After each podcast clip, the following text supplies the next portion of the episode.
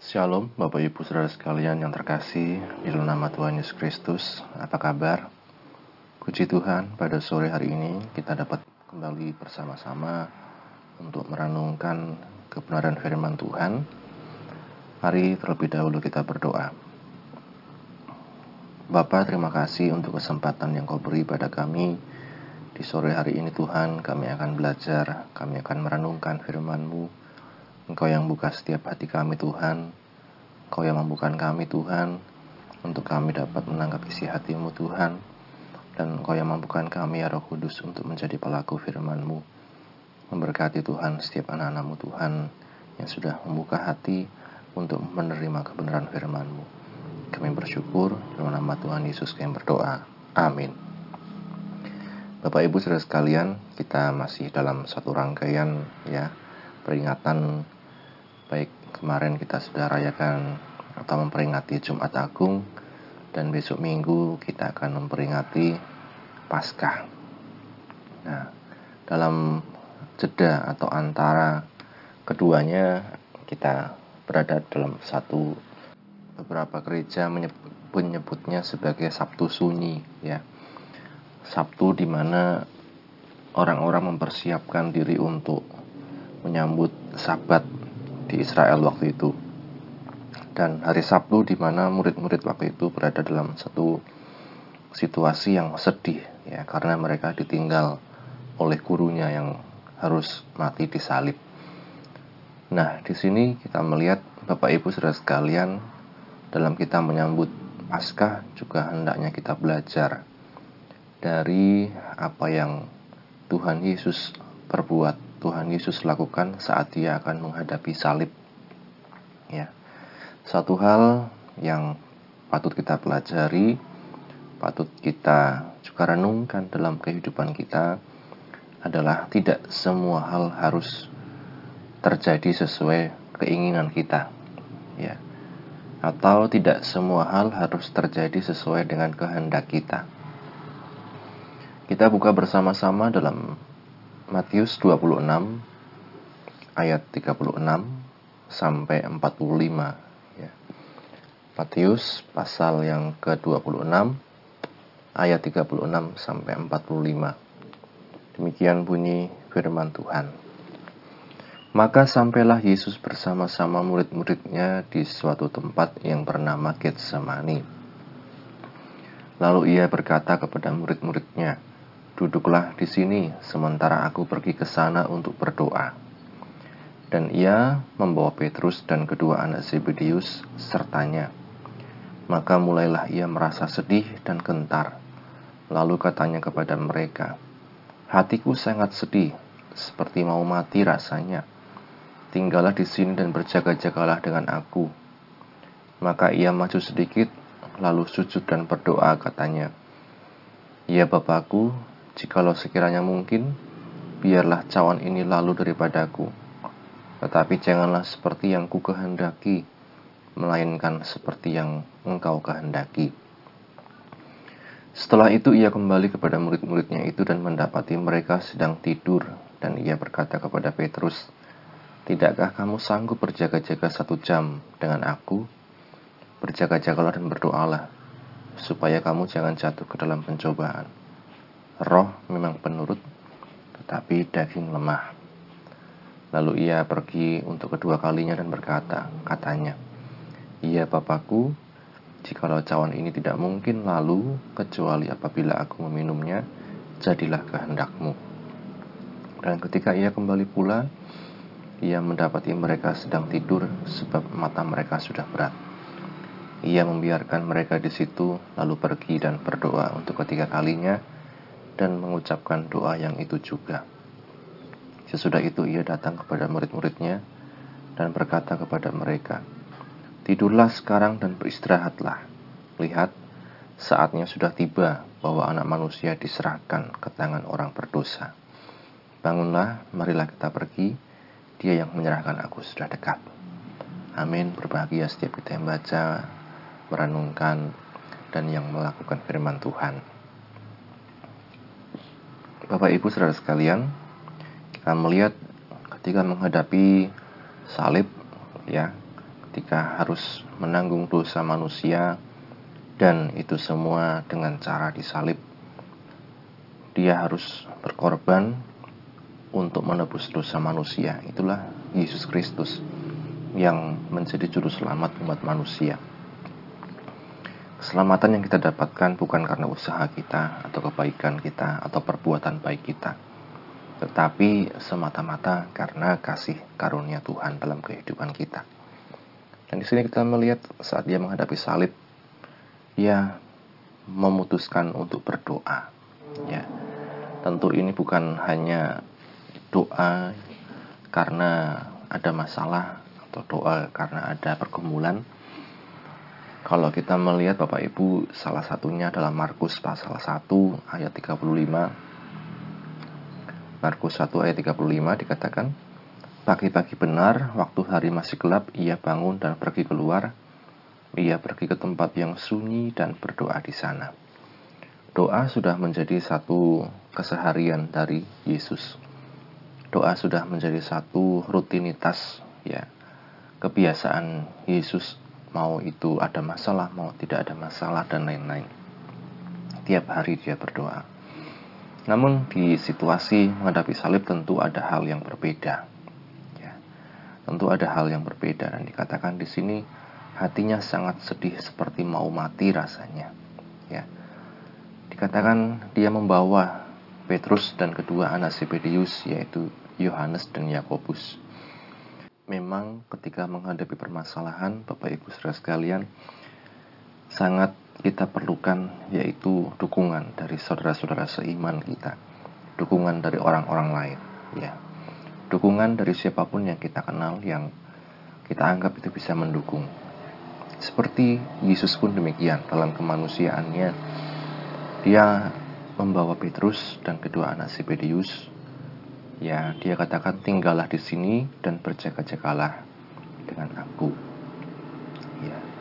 Lalu ia maju sedikit, ia sujud dan berdoa katanya, "Ya Bapa, jikalau sekiranya mungkin biarlah cawan ini lalu daripadaku, tetapi janganlah yang ku kehendaki melainkan yang engkau kehendaki." Satu doa yang dinaikkan Tuhan Yesus yaitu janganlah seperti yang ku kehendaki melainkan seperti yang engkau kehendaki. Setelah itu dia kembali kepada murid-muridnya dan mendapati mereka sedang tidur. Ya. Ada semacam satu apa ya kalau saya katakan satu kekecewaan satu ketidakpuasan satu hal yang mungkin itu disayangkan oleh Tuhan Yesus ya. Tidakkah kamu sanggup berjaga-jaga satu jam dengan aku kita melihat Yesus ada satu tuntutan ya dalam hidupnya, ayo temani saya untuk berdoa. Temani saya untuk berdoa. Nah, Yesus katakan alasannya berjaga-jagalah dan berdoalah supaya kamu jangan jatuh ke dalam pencobaan. Roh memang penurut tetapi daging lemah. Ya. Dan ini juga kebenaran Bapak Ibu sudah sekalian dalam kehidupan kita sebagai manusia bahwa roh memang penurut tetapi daging lemah atau kita punya satu keinginan untuk berbuat yang baik, tapi justru yang tidak baik itu yang timbul dalam kehidupan kita. Nah, kemudian kita melihat Bapak Ibu, ia pergi untuk kedua kalinya dan berdoa katanya, Ya Bapakku, jikalau cawan ini tidak mungkin lalu, kecuali apabila aku minumnya, jadilah kehendakmu. Setelah me menyampaikan doa yang sama, ia kembali lagi pada muridnya. Ia mendapati mereka sedang tidur sebab mata mereka sudah berat. Ya. Tapi kali ini berbeda dengan yang awal. Dia tidak menghardik murid-muridnya. Dia tidak uh, mengingatkan murid-muridnya. Tapi dia biarkan mereka di situ. Lalu pergi untuk berdoa. Ya. Ia mendapati mereka sedang tidur sebab mata mereka sudah berat. Ya. Lalu ia biarkan mereka di situ, lalu pergi untuk berdoa ketiga kalinya dan mengucapkan doa yang itu juga. Ya. Nah ini Bapak Ibu sekalian, ya. Seringkali ketika kita mengharapkan orang lain untuk menemani, kita mengharapkan orang lain untuk ikut membantu dalam permasalahan kita, kita dihadapkan pada situasi ternyata mereka tidak bisa membantu apa-apa. Ternyata mereka juga punya permasalahan, mereka juga punya pergumulan. Seperti para murid, mereka diharapkan untuk berdoa bersama-sama, tetapi justru mata mereka sudah berat. Mereka tidak mampu lagi untuk menemani Yesus. Ya. Nah, ayat 45 kita melihat Sesudah itu, ia datang kepada murid-muridnya dan berkata kepada mereka, Tidurlah sekarang dan istirahatlah. Lihatlah, saatnya sudah tiba bahwa anak manusia diserahkan ke tangan orang berdosa. Bangunlah, marilah kita pergi. Dia yang menyerahkan aku sudah dekat. Ya. Yesus tidak lagi apa ya, saya katakan menuntut satu uh, para murid ini untuk berjaga-jaga. Tapi dia biarkan ya kemudian dikatakan malah tidurlah sekarang dan istirahatlah ya artinya apa dia sudah berserah total kepada Tuhan ya dia berserah total kepada Bapa di surga ya tidurlah sekarang istirahatlah dia yang menyerahkan aku sudah dekat Bapak Ibu sudah sekalian ini juga menjadi satu pelajaran untuk kita bahwa jangan terlalu berharap kepada manusia siapa pun itu. Ya. Ketika kita hadapi permasalahan persoalan, kita berharap pada manusia, sering kali seperti para murid tadi, Bapak Ibu. Kita harapkan mereka ikut berdoa bersama kita, kita harapkan mereka ikut membantu kita, ya. Justru mereka tidak mampu. Mata mereka sudah berat. Ya.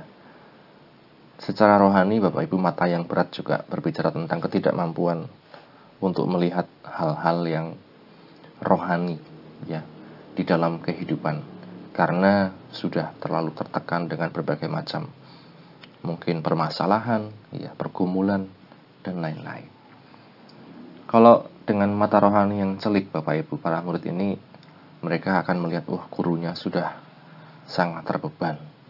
Gurunya sudah sangat berat menanggung beban. Saya harus dukung dalam doa. Tetapi justru tidak demikian. Ya. Yesus pertama kali dia melihat seperti itu, dia katakan, ayo ikutlah berdoa dengan aku. Ingat ya, tidakkah kamu sanggup berjaga-jaga dengan aku satu jam lamanya? Roh memang penurut tetapi daging lemah. Ya, ingat itu. Yesus ingatkan. Sudah diingatkan, kita lihat yang kedua, tetap tidur lagi. Ya. Tetap tidur lagi karena mata mereka sudah berat. Ya. Setelah itu Yesus mulai biarkan mereka tidur. Yesus berdoa lagi dan dia dia tiba pada satu titik di mana dia bisa berserah total sama Tuhan. Dia tidak lagi mengandalkan ya mengandalkan orang-orang di sekitarnya. Dia tidak lagi mengharapkan ya pertolongan manusia, tetapi dia hanya berharap pada Bapa di sorga.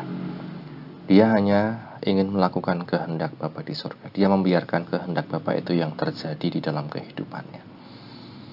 Bapak Ibu saudara sekalian, dalam kita merenungkan pengorbanan Tuhan Yesus dan besok kebangkitannya, mari kita belajar bahwa tidak tidak semua itu harus terjadi sesuai dengan kehendak kita.